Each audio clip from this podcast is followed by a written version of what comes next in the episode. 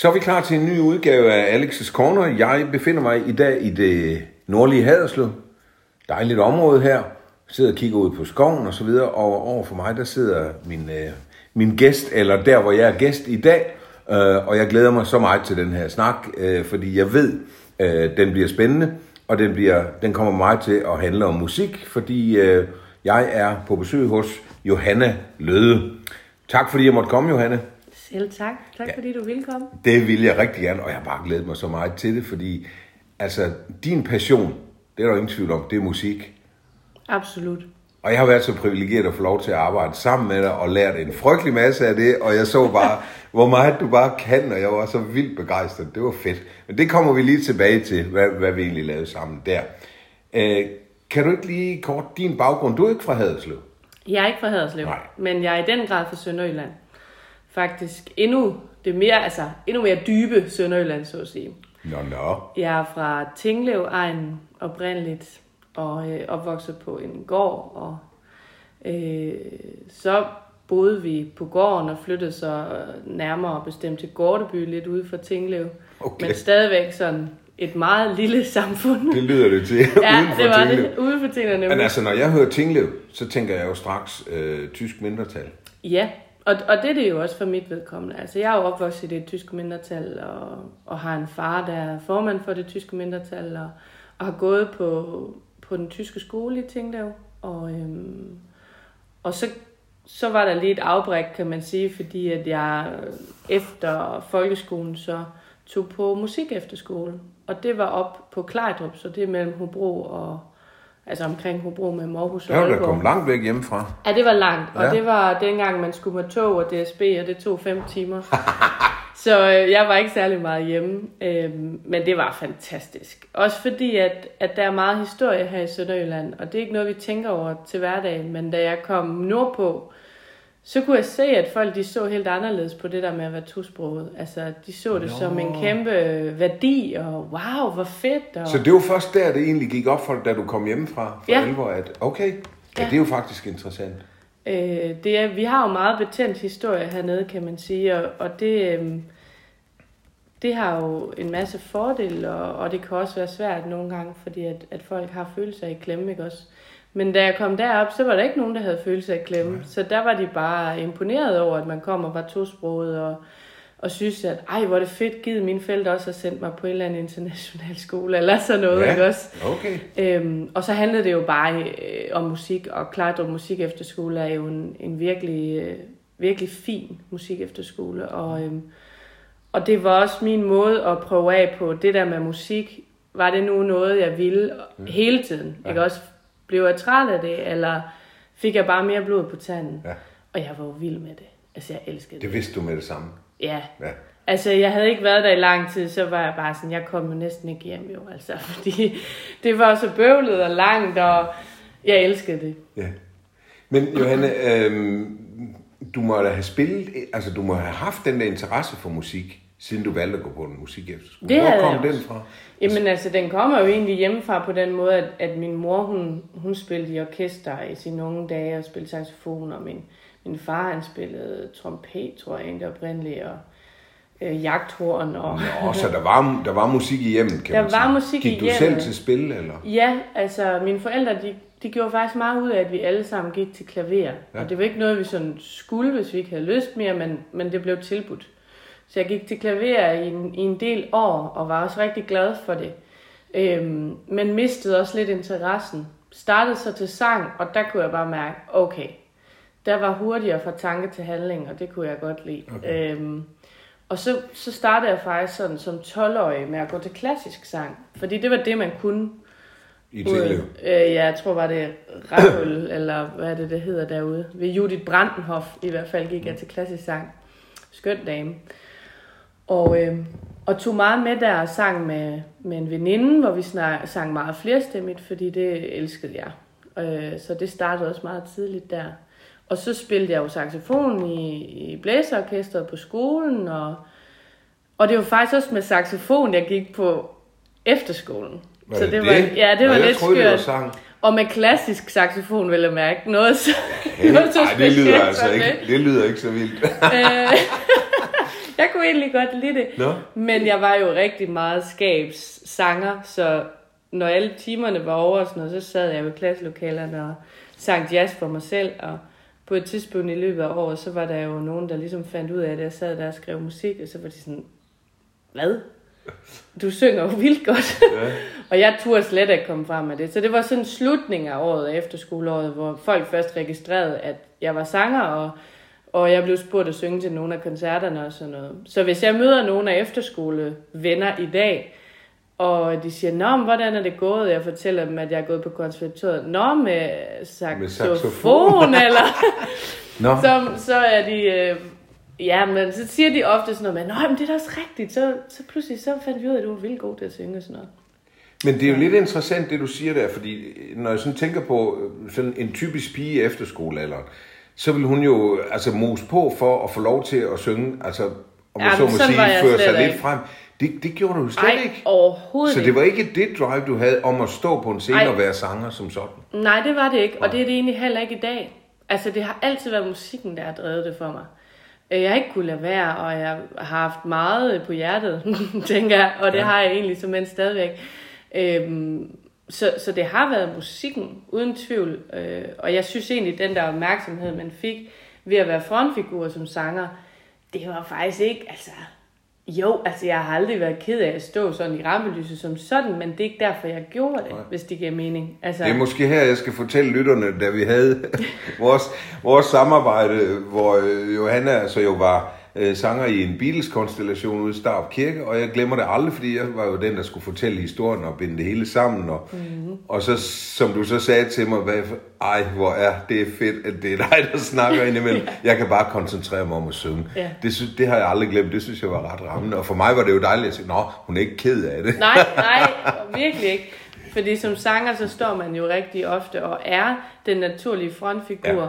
Og er den, der skal lede gennem programmet, og er den, der skal sige nogle bevingede ord og sådan noget. Og det er faktisk ikke, fordi jeg har noget imod det, og jeg ved også, at jeg har en naturlighed i det, så det er ikke noget, der falder mig svært.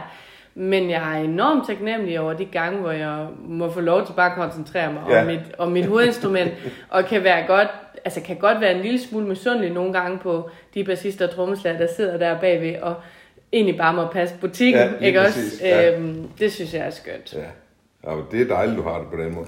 Nå, men vi, øh, øh, må jeg lige spørge, var der ikke nogen på efterskolen, der, der sådan rynkede lidt på brynene af det der med sådan halv tysk, altså det der med tysk sport, det er jo ikke øh, det, er jo ikke det de fleste synes er, er sexet. Nej, det var jo egentlig lidt det særlige, at der var ligesom, alle så det bare som en, en, altså en kæmpe, altså sådan positiv ekstra Ja, ting, jeg ja. havde med i bagagen, og jeg blev jo også voldsomt populær, fordi alle de tysk stile, der skulle korrigeres og hjælpes, og altså, der var mange Okay, okay, slikposer, der kom min vej, øh, og jeg blev jo også fritaget fra tyskundervisningen, fordi Ja. det simpelthen overhovedet ikke gav mening, ikke også? Øhm, så, så nej, og, og den oplevelse var faktisk øh, set i bagspejlet sådan ret rørende for mig. Ja, Ja, altså, Det kan jeg godt at, forstå. at det var sådan, nå ja, gud, øh, sådan kan man jo også se det. Ja. Altså, øh, og, og det er jo egentlig også sådan, at jeg selv tænker om det, at, at det er skønt at kunne et ekstra sprog, Ja, uanset hvilket sige. sprog det er, kan man man, kan jo også se på tysk skole her i Haderslev, der er altså mange danskere, altså Ja, ja, ja. danskere, Ja, som ikke ja. har nogen tilknytning Ja, ellers, ja. som sætter deres børn ind, fordi Ja. de siger,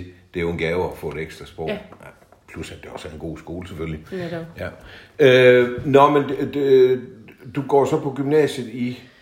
Ja, det Åbenrå, tog, eller? Ja, i, i tyske? 2005 må det vel være, eller Ja. ja. 2006 deromkring. Så, så tager jeg så tilbage til Sønderjylland, kan man sige, og, og går på det tyske gymnasium Ja. i Åbenrå. Ja. Og det er simpelthen for at, at få muligheden for at kunne studere i Tyskland og, og, og Danmark. Fordi at jeg havde jo muligheden øh, via, via min tidligere skolegang, og, øh, og det betød, at jeg kunne få ligesom, den danske studentereksamen, men jeg kunne også få det tyske abitur, når jeg var færdig. Og jeg var sådan, hey, det kan da godt være, jeg synes, det er fedt at studere i Berlin. Mm. Altså, det er da fedt at have den mulighed. Ja. Øhm, så der var jeg i tre år og var super glad for Mm. øh, de år, og, øhm, og nød det bare. Altså, ja. at være ung, og Ja. altså, og måtte få lov til at have de der gymnasier. Og, og der var der en del, der sådan prikkede til mig, om jeg ikke skulle søge ind på MGK og sådan noget, men jeg var slet ikke klar til det, og jeg var sådan virkelig enormt bange for at fejle. Så, øh, så bare, at der var en mulighed for, at jeg ikke blev optaget, det var ligesom nok til, at jeg slet ikke søgte.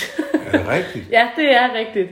Øh, og det er jo lidt skørt tanken om, hvis man så tænker på, hvad jeg laver i dag, men, Ja. men det var jeg ikke klar til. Og jeg, hvis jeg nu ser på det, så tror jeg også, at jeg nød virkelig meget om at altså også bare være ung, og ikke skulle både... Det kan være lidt hårdt det der med, at man gerne vil en masse på MGK, og så gymnasiet samtidig i Ja, hvert det, fald. det altså, er hårdt arbejde. Det Øhm, der er også mange, der vælger MGK efterfølgende. Ja. Det gjorde jeg jo så heller ikke. Men øh, det Jamen, tror gik jeg... du direkte fra, fra gymnasiet og så på konservatoriet? Ja, med et år imellem, hvor Nå. jeg var på en jordomrejse med en, med en veninde. Okay.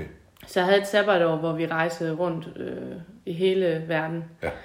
Øhm, og på den jordomrejse, da vi var i New York, så, øh, så tilmeldte jeg mig den her optagsprøve på konservatoriet. Og i Okay. dag lyder det helt skørt for mig, fordi at udefra set kan det virke enormt sådan, hvad skal man sige, arrogant. Nå, det troede hun så bare, hun kunne. Ja. Men det bundede faktisk udelukkende i en masse naivitet og uvidenhed, for at være helt ærlig. Ja, fordi i dag ved du godt, at inden Ja. man, der skal man altså træne, og man skal have timer. Og, ja. og, og, altså det der med, at du, der, der er ikke en jordisk chance for, at man egentlig sådan kommer ind, Nej. og jeg kan huske, man skulle sådan, man skulle jo vælge en linje, man gerne ville ind på, men så skulle man ligesom også prioritere, jamen, hvor vil du gerne hen, Aarhus, øh, Esbjerg, København og sådan noget, og så lave ekstra prioriteringer. Og jeg sagde bare Aarhus, for det ville jeg gerne, og jeg lavede ikke andre prioriteringer. og igen, det var bare sådan, Jamen, det var naivitet. Altså, jeg ved ikke, jeg vidste ikke meget. Jeg havde jo ikke været på MGK. Jeg havde ikke været... De mennesker, jeg havde spillet sammen med, det var øh, altså for mig dengang ældre mennesker ja. i jazzorkester, for det var dem, der De har kunne været over spille. 30, du. Ja, det var det i hvert fald. Mm. Lad mig sige sådan. Og det gjorde ikke noget, for det bare var musik. Så jeg var ikke inde i det der miljø, hvor man vidste særlig meget om konservatoriet. Mine forældre anede ikke noget som helst. Så Men du vidste, du ville på konservatoriet. Altså, ja, det var det, du ville. Ja, det, det vidste jeg, fordi ja. at på gymnasiet, så var der de der, tror det hed U-days, sådan nogle, hvor man kan komme op og besøge, ja. ikke også? Ja. Ja. Og jeg var sådan lidt i tvivl om, jeg skulle vælge musikvidenskab eller konservatoriet, Ja. ja. hvis jeg kunne få lov, ikke også? Ja. Og, øhm, og så fandt jeg bare ud af, at på musikvidenskab, så handlede det rigtig meget om alt andet end ens hovedinstrument. Du skal ligesom være den her blæksprutte. Ja. Ja. Og øh, der kunne jeg mærke, puha, øhm, Vi kan jo sige, at det er sådan typisk beregnet til øh, undervisning videre. Nemlig Ja. ja. gymnasielærer og så Ja. videre har den, ude, øh, Ja. ja. har den uddannelse. Og jeg synes jo, det er en meget nobel uddannelse. Jeg kunne bare se det. Altså, jeg er slet ikke dygtig nok på alle de andre instrumenter. Og øh, jeg synes egentlig, det er aller sjovest bare at synge. Altså for at være helt ærlig. Fordelen var selvfølgelig ved musikvidenskab, man har på en eller anden måde en uddannelse, som sikrer dig lidt mere arbejde, for at Ja. være helt ærlig, når Ja. du er færdig. Ja. Øh, og jeg er egentlig en, som vidste allerede dengang, jeg kommer ikke til at trives i det her fuldstændige freelance-liv, og så lever vi bare på en sten den her måned. Nej, det Øhm, kunne jeg have talt for musikvidenskab Ja, dengang. og det, det gjorde det også, og jeg troede faktisk, at det var det, jeg ville. Indtil jeg kom derop, og så kunne jeg mærke, ah, og så besøgte jeg også konservatoriet, og så begyndte jeg at få sommerfugle i maven, og tænkte, uh. Og så vidste jeg, det skal prøves. Ja. Jeg havde det sådan, jeg skal vide, når jeg står og laver noget andet, fordi jeg kunne egentlig også se mig i andre ting som sådan, men jeg havde behov for at vide, at jeg havde prøvet. Så jeg ikke sad og tænkte, hvad nu, hvis jeg havde Ja, prøvet at komme ja. ind? Prøv lige at, at fortælle om optagelsesprøven, så hvordan gik det? Det er da meget spændt på. Puha, ja, altså, ja. jeg ved jo, du kom ind, men... Ja. Jamen, det var jo sådan, at der er optagelsesprøver i starten af januar altid. Øhm, og så starter man jo efter august. Øh, og det er jo oppe i Aarhus, og jeg havde et meget lille netværk hernede. Og igen, jeg havde ikke gået på MGK, jeg havde ikke gået på sådan en stor musikskole eller et eller andet, hvor jeg kunne spørge nogen. Jeg kendte nogle unge fyre i Flensborg, som jeg havde øh, været på jazzstævne med. Og, de, og hvis jeg siger unge, så var de unge. Altså bassisten var 13 eller sådan noget på det tidspunkt. Men det var sådan en, og er stadigvæk sådan en wonderkid familie. Altså de spiller ualmindeligt godt. Og de er også alle sammen konservatorieuddannet i dag ja. og sådan noget. Så de var virkelig dygtige. Så, så kvaliteten fejlede ikke noget. Men jeg kom jo lidt med så et børneband derop. Og der var snestorm, og øh, min computer var gået ned, og altså der var ikke det der, jeg ikke var imod mig. Jeg, jeg var virkelig meget tæt på at kaste håndklædet i ringen, men havde nogle forældre, der virkelig var gode til at bakke op og sige, vi finder en løsning. Vi leger en bus, og så kører vi klokken 4 om morgenen, og vi skal nok finde ud af det. Og det var det, vi gjorde, og så tog vi derop, og så kunne man godt se, at folk sådan, jeg kan man sige, smil lidt. Fordi der kommer hende der med børnebandet. Hvem har de der unge med? Når man har simpelthen bandet med sig? Ja, det har Nå. man jo. Man skal jo stille med et orkester. Nå, okay. Du Nå, kan også bede om et, men altså, det var jo endnu mere utrygt, fordi dem kender jeg jo slet ikke rigtig. Øhm, og så, men altså smilet forsvandt jo hurtigt, da de begyndte at spille, fordi de, de spillede jo virkelig godt. Ja. Altså, så, så var det sådan, "Nå, okay, godt så. Øhm, Sidder der så simpelthen et dommerpanel Ja, der? så sidder der jo en, en hoved, hovedfagslærer, altså en, som kun øh, beskæftiger sig med rytmisk sang.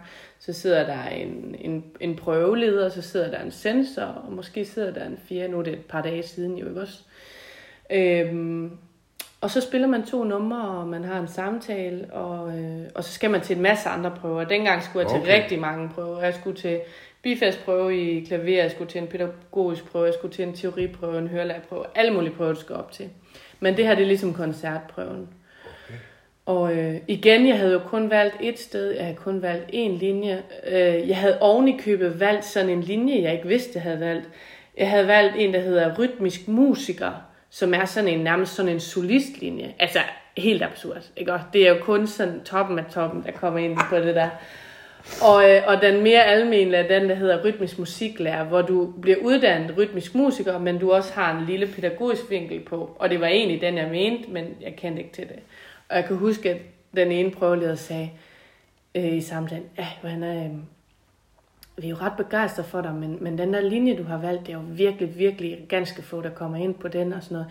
Er du sikker på, at du ikke vil overveje at, at tilføje den anden linje? Nå, ja, og jeg, jeg forstod det jo ikke Og du vidste ikke helt, hvad det Indtil jeg sad og spiste frokost og kom til at snakke med nogle andre, så var jeg bare, var. Åh, oh, gjort? nej, det er den forkerte linje. Så jeg løb ind i kontoret og Ja. sagde sådan, ej, jeg, jeg kom til at skrive den forkerte. Og så smilte hun bare derinde og sagde, det var godt, fordi det håbede vi sådan på, at Ja, okay. du ville sige. Øhm, og så kom jeg jo ind. Men det er fantastisk. Altså, var, med det var det ikke en fantastisk øh, fornemmelse, da du fik at vide, at du kom ind? Jo, og det var meget urealistisk. Jeg havde faktisk allerede besluttet, og jeg ved ikke engang, om jeg endda havde booket det, tror jeg. Jeg havde booket et, et højskoleophold, fordi jeg var stensikker på, at jeg kommer jo ikke ind. Altså, da jeg først havde snakket med nogen deroppe, og de sagde, at de havde alle sammen lavet øh, 14 prioriteringer, bare for at være sikker på at komme ind nogen som helst steder, jeg bare blev mere og mere hvid i hovedet, fordi jeg tænkte, åh nej.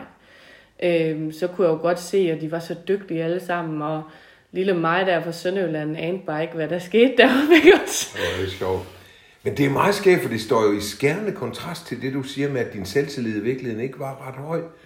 Og alligevel så søger du ind på sådan noget, hvor man tænker, det Ja, kan ikke lade sig altså- gøre. Men måske er det netop, som du selv siger, naiviteten. Altså, du vidste ikke bedre. Og så Ja, altså jeg har, jeg har altid været ret godtroende og naiv ja. sådan af natur, og jeg tror egentlig, at det har været en forskel. Øh, jeg har også haft en masse naturlig selvtillid, altså sådan altid, som barn og også nu. Øh, men man kan også rigtig hurtigt blive sådan, hvad kan man sige, for kritisk med mig selv. Ja, eller ja det er måske bedre at sige det, at det, du, er- du er kritisk ja. Ja. over for dig selv. Forlanger Øh, for mig, da dig selv. Fordi at jeg har jo tit haft samtaler med min far, hvor han synes, at jeg har været alt for altså, kritisk og ja. sådan. Men det, det er jeg bare. Det er jeg stadigvæk ja. i dag. Altså, men, men jeg prøver, at det ikke skal være så meget øh, et benspænd. Ja, fordi det må det ikke selvfølgelig heller ødelægge ikke okay. ting. Omvendt, så vil jeg da også sige, altså, det er jo også det, der gør dig så god, som du er. Det er jo, at du er kritisk med dine ting. Du gør jo ikke mm. noget halvt. Nej, Så ikke gerne det har i jeg i hvert fald. oplevet. øh, men altså, du, du, du kommer ind på kontra, du har jo, øh, der har du garanteret også nogle gode år. Meget. Jeg det må har være der- fem år deroppe, ender med at øh, blive uddannet kant mus, musikage, eller hvad det hedder. Noget meget fint, Ja. ja. som i, i virkeligheden bare betyder, at man er musiker. Ja. Øhm, og, Og men trods alt har man en kandidat. Jo, man har en kandidat, og jeg blev uddannet inden for rytmisk sang og øh, rytmisk korledelse og sangskrivning. Og det er jo i virkeligheden også det, jeg... Er det ikke den, Anne Linde også har? Er det ikke sådan noget, hun... Det, ved- det ved jeg faktisk jo, slet det ikke. tror jeg. Men hun underviste dig ikke på det tidspunkt. Ej, nej. ej. Det har hun gjort. Men havde dejlige fem år i, Aarhus, hvor jeg boede, og mødte min nuværende mand og alt det der. Ja, for din mand, det skulle jeg til at sige, Rasmus er jo også uddannet der, og er jo Ja. en fantastisk musiker. Det må vi jo bare sige. Han er bare god. Ja, altså jeg er jo måske Pianist. en lille smule partisk, men det synes jeg også selv, han er. ja, ej, men det, det ved jeg også fra andre. hvor god han er. Det her kan man jo også høre. Øh, I laver jo også lidt selv, ikke? Altså sammen. Øh, er, det, er det jazz i sådan en lille duo, eller hvordan? Ja, faktisk mange forskellige ting, men altså vi har jo egentlig altid, i og med at vi mødtes dengang allerede, så har vi jo spillet sammen. Det var jo oplagt, og, og det var jo til alle mulige ting. Han er jo egentlig, altså, eller ikke egentlig, han er stadigvæk absolut min første prioritet af pianister, hvis jeg skal have nogen med. Både fordi jeg synes, han er ualmindeligt dygtig, men også fordi vi selvfølgelig har en helt særlig forbindelse, hvor ja. man ikke behøver at snakke særlig meget, man ved, hvad hinanden mener, også i musikken, ikke også? Så ja, vi har lavet mange sådan jazz-ting sammen, vi har også lavet øh, gospel-ting sammen, og vi har også skrevet musik sammen, som er sådan alle mulige genrer. Øhm, så, så ja, meget sådan, vi har bare den her fælles musikglæde, så at sige. Til alt. Og I har jo I har mange ting til fælles. Jeg har jo blandt andet to børn jo. Det må er der også ja. kommet ud af det. Ja. Øh, og, og, og jeg ved jo, det fungerer jo fint for jer osv., men, men hvis du nu skulle være helt ærlig, hvad, hvor er du på prioriteringslisten hos Rasmus?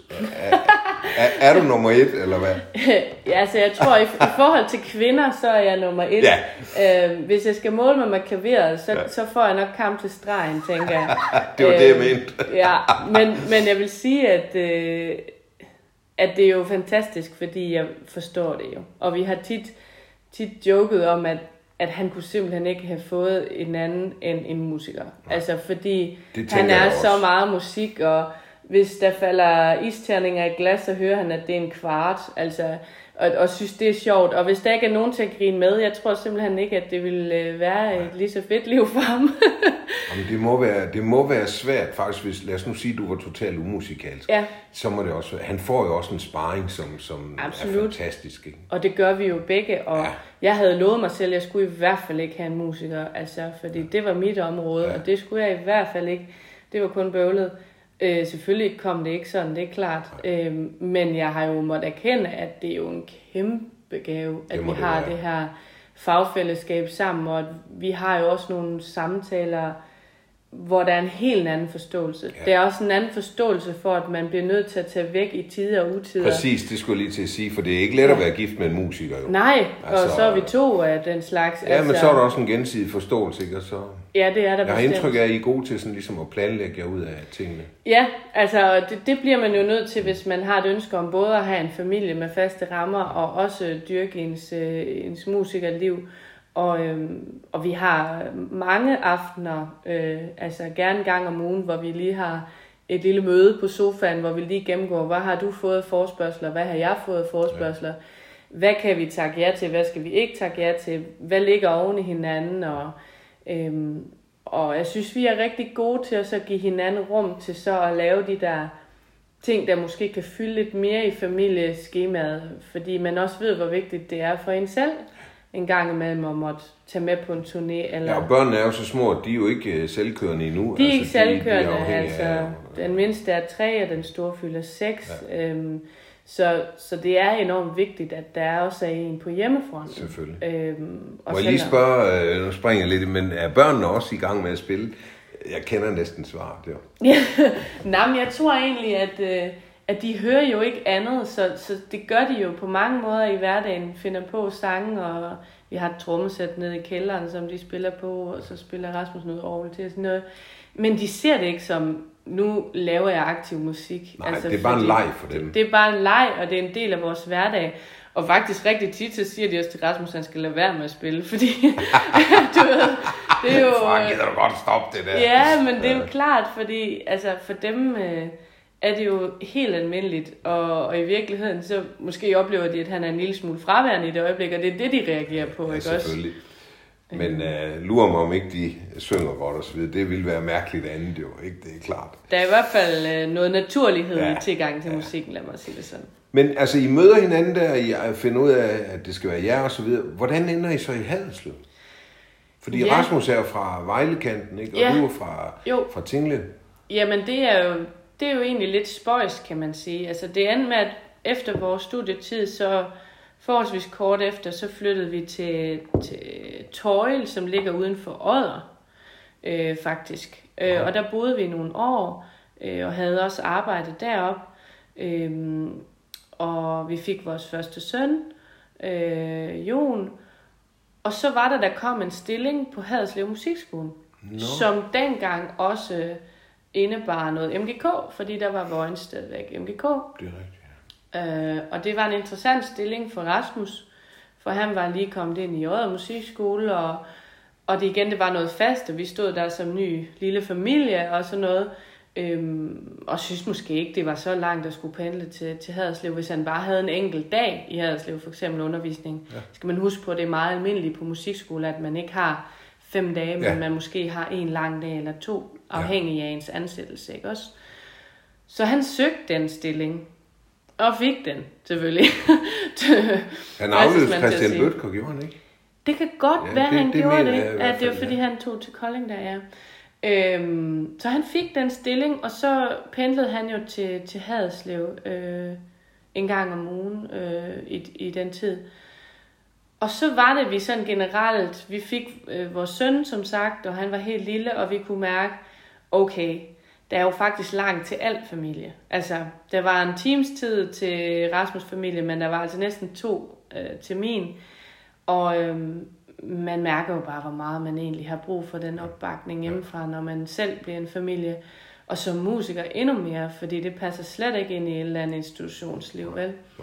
Så vi havde altid haft tanken om, at vi egentlig godt ville lidt længere sydpå. At det så lige blev Haderslev, det var jo faktisk sådan... Ej, jeg vil ikke sige, at det var tilfældigt, fordi vi havde altid sagt, hvis det skulle være Sønderjylland, så skulle det enten være Haderslev eller Sønderborg. Ja. Fordi vi synes, at det var de mest sådan, spændende byer, også i forhold til kulturen. Ja. Men da Sønderborg ligger meget langt fra alt, og når man har et arbejde, hvor man skal køre rigtig meget ofte, så er det klart, at Haderslev har jo en ideel beliggenhed. Det må man bare sige. Altså, ja. inden for en time, så er du rigtig langt, ja. og det var enormt tiltalende. Og Rasmus arbejdede i byen og kom jo hjem og sagde, øh, at han kunne rigtig godt lide byen. Øhm, jeg har boet i Haderslev kortvej med en, med en kæreste, da jeg gik på gymnasiet. No. Så der havde jeg faktisk prøvet at bo i Haderslev, var glad for at bo i Haderslev. Så da jeg sad der på barsel, så kiggede jeg bare lidt efter huse sådan i Sønderjylland, og pludselig dukkede det her hus op, som vi sidder i i dag. Ja, ja. Og så, så downloadede jeg den der salgsbeskrivelse, det der, det skal man passe på med, fordi så ringer de til en. Ja, ja.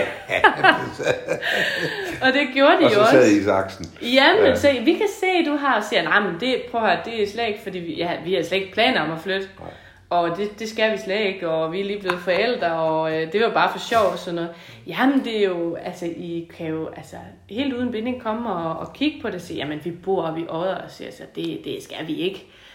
Øh, og, og altså, han var bare insisterende, det må man så give ham. Ja. Og så lidt for sådan, og så bare slutte den samtale, og jeg vidste, vi skulle hjem i den weekend, så sagde jeg, altså, hvis vi kan komme lørdag klokken 12, ja. så kigger vi på det. Jamen, det var en aftale. Nå, og så, jeg havde slet ikke noget at snakke med Rasmus om det, så da han kom hjem fra arbejde, så måtte jeg sige, øh, i øvrigt, øh, jeg kom til at kigge på et hus, og øh, vi skal hen og se på det i weekenden. Øhm, Men altså, det lød også som om, det var ikke en svær beslutning, i og med, at øh, Rasmus var positiv over for Adelslo. Du var positiv. Absolut. Vi troede måske ikke lige, det skulle være på det tidspunkt. Nej, Men nej, så var det, at vi kom ned og så huset. Rasmus var bare sådan, han var totalt klar på det. Han er også bedre til at tage sådan nogle beslutninger hurtigt. Øh, jeg tænker rigtig meget over det. Du er alt for kritisk. Ja, lige præcis. Øh, I hvert fald omhyggeligt, lad man kalde det sådan. Ja. Øh, men vi endte jo med at lægge et bud samme weekend. Så på den måde, så var det jo ikke øh, sværere.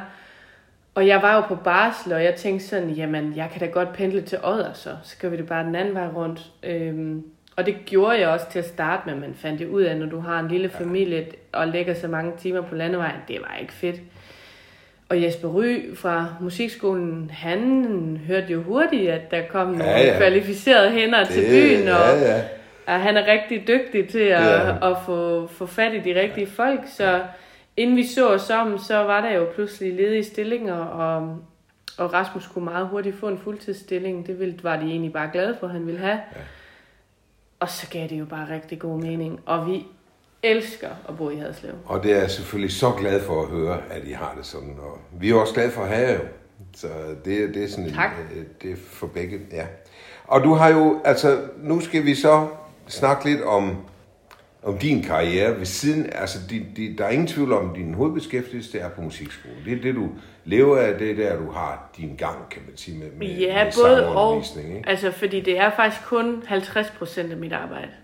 Jamen, jeg mener, det, er de- det er ligesom din, din base, det er, er der. Ikke? Ja, Og så ja. har du et, et freelance-liv ved siden Ja, af. Ja. Men en vældig karriere, når man sådan sidder og kigger, og jeg kan jo anbefale folk at gå ind og, og kigge på det, din hjemmeside, som i øvrigt, stor kompliment, den er rigtig flot, synes jeg. Tak. Øh, men hvad du da alt har haft gang i, hold nu op. Og, og jeg vil tillade mig at blive sådan lidt se- og høragtig, øh, og, og prøve at fokusere lidt på nogle af de øh, mennesker, du arbejder sammen med, som vi alle sammen kender. Ja.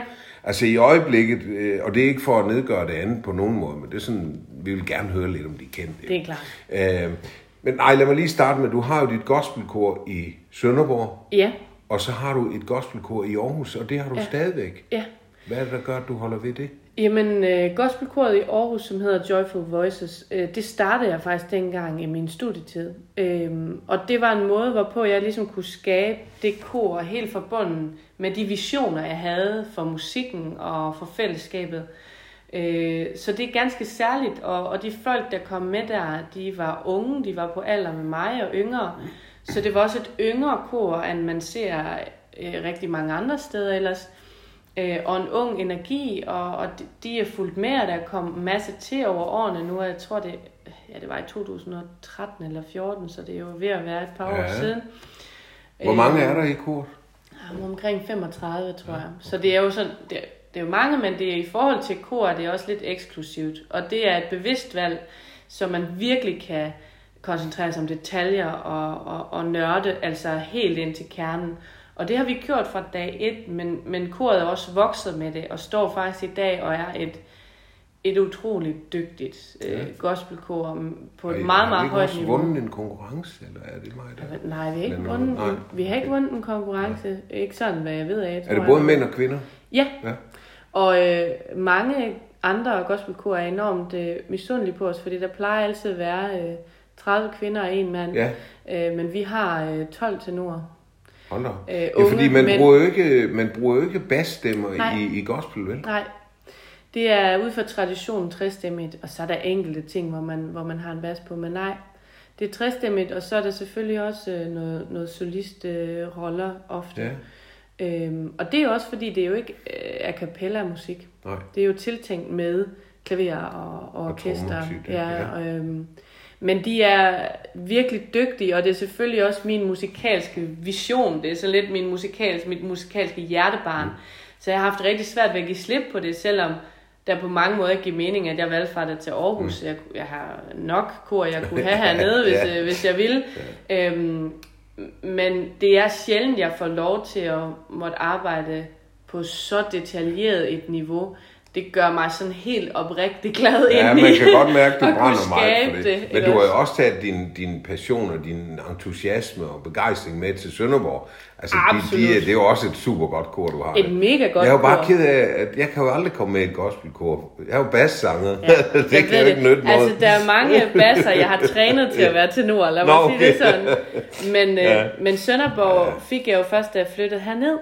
Ja. Øh, og Sønderborg er jo et kor med en kæmpe tradition.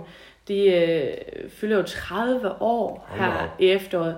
Så jeg, er jo, jeg har været der fem år, så, ja. så jeg er jo egentlig kun en lille del af historien, men man er utrolig glad for at være i koret. Det er et fantastisk kor med, en, med et fantastisk fællesskab, og, øhm, og vi har jo lavet vilde ting også. Altså, ja. vi har sunget sammen med symfoniorkestret øh, i Alsion og, og, og, og Ude ved Thomas. Eje har jeg også Ja, ude ved Ja, Thomas Eje og sådan noget, så, så det er jo ikke, for det kor ikke har format eller kvalitet. Nej, altså. Og så har jeg jo Christian Bøtker til at spille. ja, det Ja. har vi nemlig. Det er vi mægtig glade for. Og jeg kan huske jeres første samtale, ja, der, hvor du virkelig var helt på knæ for Christian om ikke. Og det var tilfældigt, fordi vi sad i bilen, Christian og mig, på vej hjem fra et job i Sønderborg, og så ringede du. Så jeg hørte hele samtalen. Det er Og den tog helt til Haderslev. Ja. Men du fik ham jo overtalt. ja, Ja. og han er der stadig. Ja, han er der stadigvæk. Det er dejligt at høre. Øh, når jeg sådan kigger hen over dem, du øh, er blevet undervist af for nu at starte, altså Hanne Rømer, øh, Dennis Algren, Birgitte Fribo, øh, Palle Torp, det, det, det undrer mig, hvor, hvad har han undervist dig i, Pelle Torp? det har jo været i, i sådan nogle stævne sammenhænge, hvor, hvor, øh, hvor man ligesom har, har haft en uge, hvor jeg så har været på hans hold, og ligesom Okay, har lært en masse af hans hold. For det jeg tænkte, ja, han spiller guitar, men han er vel ikke Ja. sanger, men øh, Nej, men altså, det er jo igen, øh, man kan jo lære enormt meget tværfagligt. ja, spændende. Nå, men du, øh, i øjeblikket øh, kan jeg se, i, i, i år, der har du sunget, eller det gør du måske stadigvæk, du er backing-sanger for, for Stine Bramsen. Ja, til dels, ja. Er det sådan øh, hele, en hel turné, eller er det bare sådan on and off, eller? Altså lige nu så kører hun øh, primært med en øh, fast korsanger, øh, Merete, min gode kollega og veninde, som også har sunget med Stine altid. Altså også sunget med Alphabet i, altså siden de startede. Nå. Øhm, men når de har brug for to øh, rene backing-sanger til et eller andet, Ja. Så er jeg med. Okay. Øhm, og det har jo været her for nyligt i for eksempel Godmorgen Danmark eller Aftenshowet, og sidste weekend så havde vi tv-optagelser til det program, der hedder Live fra Wallenberg, som er et TV2-program med de her øh, BH, Ja, øh, den her BH-familie Ja. på, på deres øh, båd. på båden, ja. Øhm, og så er det sådan nogle ting, jeg bliver hyret ind øh, til. Ja. Øhm, så ja, det er, jo, det er jo freelance i bedste... Ja. Men du, du har jo fået utrolig mange gode kontakter den vej rundt. Du har også været uh, backing-sanger for Jesper Lundgaard på hans juleshow. Ja, det Ja. var jeg i nogle år, ja. Ja. Øhm, det var jeg jo egentlig øh, først, kan man sige. Øhm, og der var det jo mange andre solister med, Birte Kær og Annette Hayek og sådan nogle ting. Og Ja. så sidste år, er det sidste år egentlig? Altså, jeg er lidt forvirret, fordi det var en turné, der blev flyttet tre gange ja, på grund der, af corona. der er blevet flyttet rundt, ja. Øhm, men der var jeg jo med som, som fast backing-sanger på Alphabet-turnéen, deres afsluttende Ja. øh, turné. Ja. Øhm, og der arbejdede jeg så selvfølgelig også sammen med Stine, og ud fra det, så har det, det andet ligesom også Ja. givet sig. Så det er jo meget noget med, at man, man kommer med i et projekt, eller øh, en sammenhæng, og, og synes man, at, at det er et dejligt samarbejde, jamen så, så bliver man ofte spurgt igen, når det giver mening. Og så er det jo netop, i de kredse, så bliver der jo snakket, og man bliver anbefalet og alt det der. Det er klart. Uh, lad os lige dvæle lidt ved Birte Kær, fordi det, det, vi sad lige og snakkede lidt om det inden mm. også. Altså, jeg har jo kæmpe respekt for Birte Kær, fordi hun er så dygtig, som hun er, og så professionel, ja. som hun er. Uh, hvordan har du oplevet hende? Jamen, øh, fuldstændig på samme måde. Jeg var meget imponeret øh, over hende. Øhm, altså, en kvinde, som øver sig dagligt, øh, og en kvinde, som ved, hvad hun vil, og også forventer, at de musikere, hun spiller sammen med, at de er forberedte. Og, øh, og det kan jeg enormt godt lide. Jeg synes simpelthen, at det er den helt rigtige tilgang. Og hun har også fuldstændig styr på selv, hvad hun skal. Så man kan ikke sætte en finger på det, Nej. hun gør. Men på samme måde har hun også de forventninger til andre. Ja, det er rigtigt. Og, øh, og jeg, altså, i det samarbejde, jeg havde med hende øh, på den juletur, der, der var jeg meget imponeret over hende. Jeg synes øh, virkelig, at hun var sej, altså inspirerende. Ja. Men det er jo lidt interessant, du kommer fra en konservatorieuddannelse, mm. hun er sparkasseassistent i, i Aarhus, ikke? Altså, Og, men hun har så, gud ved, hvor mange års erfaring, og det gør jo også Præcis. Noget, og jeg tror, at det kommer jo rigtig meget an på, hvordan man også håndterer alt det, og, og vi talte jo også om tidligere, at, at hun er jo enormt omhyggelig med alt, hvad hun gør, og øh, alt er overvejet og velplanlagt, og, øhm, og det bliver du dygtig af. Og når du så gør det så lang tid, som hun har gjort det, så er der ingen, der kan kæmpe sig det. Altså, det, det, øhm, det har jeg dyb respekt for. Jamen, det kan, jeg kan godt lide din, din holdning over det, for der er jo nogen, der siger, Birte Kjær, det er bare sådan noget danstop, og det er også, når man ser hendes band, altså, det er jo, det er jo heller ikke hvem som helst, der står og bakker hende op, og, og nej. de får også besked. Ja, det, det tænker jeg også. Ja. Så det vil jo sige, du har jo virkelig, øh, virkelig været i clinch med masser af, af, af kendte mennesker og dygtige mennesker. Og, øh, men står du nogle gange og tænker, Johan, når du står der bag ved Jesper Lundgaard, eller hvem nu er, der står før sig frem der, står du og tænker, hvad laver jeg her?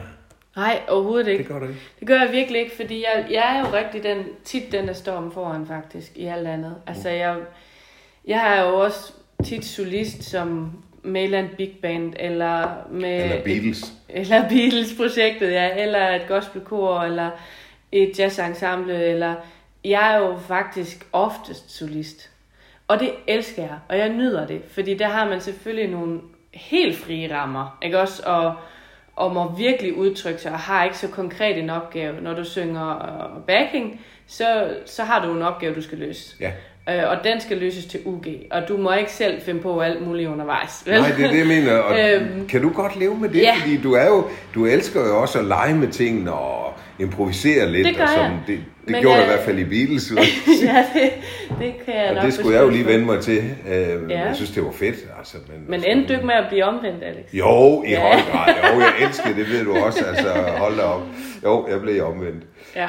Men, ja, men det er det der med, jamen, det, Beatles gjorde sådan. Ja, men altså, du, du tog det væsentlige frem. Du ødelagde ikke Beatles på nogen måde, som jeg har hørt andre gøre. Nå, Lad det er jeg glad for. Altså, det er jo Ej, altid med respekt for udgangspunktet, ikke også? Men altså, når det. man nu står der som kvinde og skal synge Beatles, så du kan jo alligevel ikke gøre det en til en, så, så er der måske mere værdi i at tilføje noget andet. Ja. Øh, men jeg tror for mig, at den der kombination af at måtte være øh, det, man kalder sideman i, i den sammenhæng, altså stå ude på siden og øh, om at løse en opgave øh, og være del af holdet, mm. og så på andre tidspunkter være den, der har den og være solist, den kombination elsker jeg ved mit Det arbejde. jeg godt. Og når jeg har rigtig meget af det ene, så savner jeg det andet. Ja. Så for mig er det et kæmpe privileg at måtte gøre begge dele. Og der er jo ingen tvivl om, når jeg arbejder med de her store kunstnere, så får jeg jo også lov til nogle ting, som ikke ligger i jazzmusik. Altså, det er jo, det er koncertsalen, ikke også? Ja. Ja. Og en, en fyldt koncertsal der på Alphabet-turnéen, hvor du bare kan dreje dig rundt Ja. 360 grader. Og mennesker overalt. Det er noget af et syn, ikke også? Nu kommer der lige at blive tømt en skraldespand. Det kan være, at man får det med os.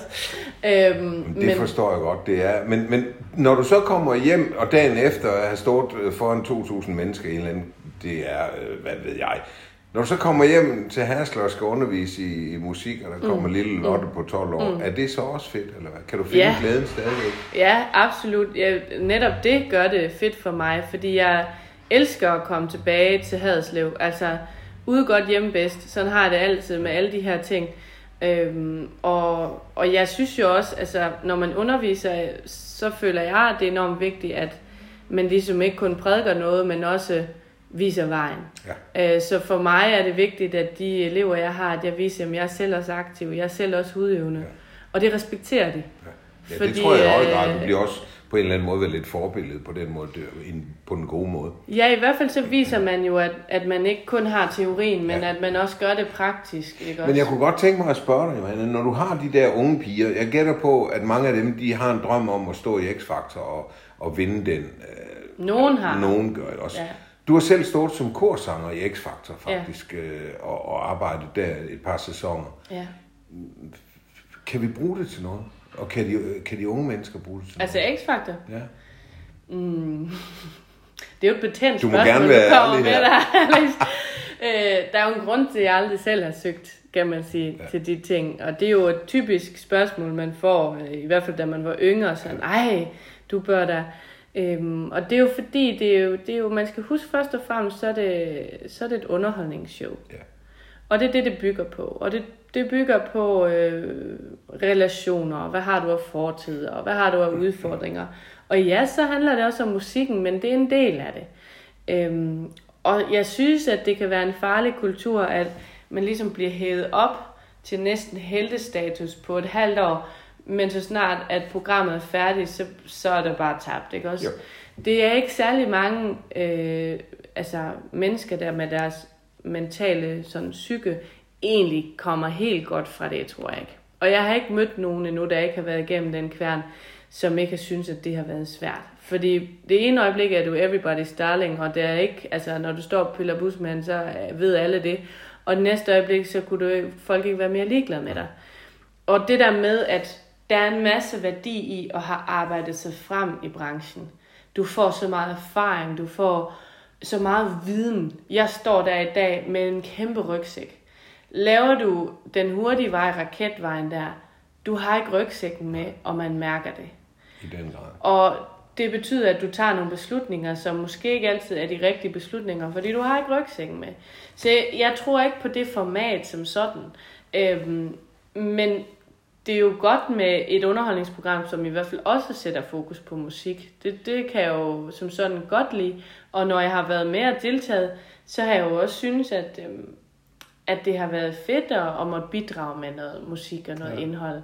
Øhm, men det er et tv-show som så meget andet.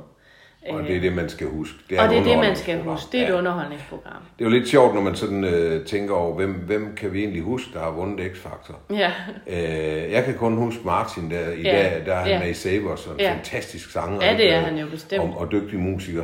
Men han stoppede jo også efter det, så hørte vi ikke noget til ham i et par år, hvor han fandt sig selv. ja. Og der er Mm. ingen af de andre, der er blevet til noget. Og kæmpet, kæmpet for at få, få det der stempel fra sig på Ja. en eller anden måde. Ikke? Ja. Og- har jo også den, den rejse, jeg snakker om, og den rygsæk, man får, den har han jo også haft brug for at tage på egen hånd i sit studie og med sig selv, uden at alle sammen glod på Ja. ham. Øh, og blive dygtigere og dygtigere og dygtigere og vide, hvor man vil hen. Øh, Jeg synes faktisk, det var meget moden der. Man var jo en helt ung dreng. Ja, og, og de stod bare parat for at få ham ind, alle de der hajer, der mm, ved, hvordan det skal gøres. Og han sagde nej til det hele. Mm. Det synes jeg var ret fantastisk gjort. Ja, det er ret sejt. Øhm, ja, tiden den går jo, Johanne, i godt selskab. Jeg har lige et par, en lille sjov ting til sidst. Okay, Øh, ja. Vi når ikke så mange, fordi tiden er jo fremskrevet, men, men jeg har sådan noget med, at du skal bare sige, hvad for en af to du foretrækker. Ja, Hvis jeg nu siger soul eller jazz, den er led. det er også derfor, jeg tog den. Åh, Og hvorfor er den led? Den er led, fordi det er, jo, det er jo de to områder, som jeg holder mest af i virkeligheden, og jeg synes, de kan to meget forskellige ting. Okay.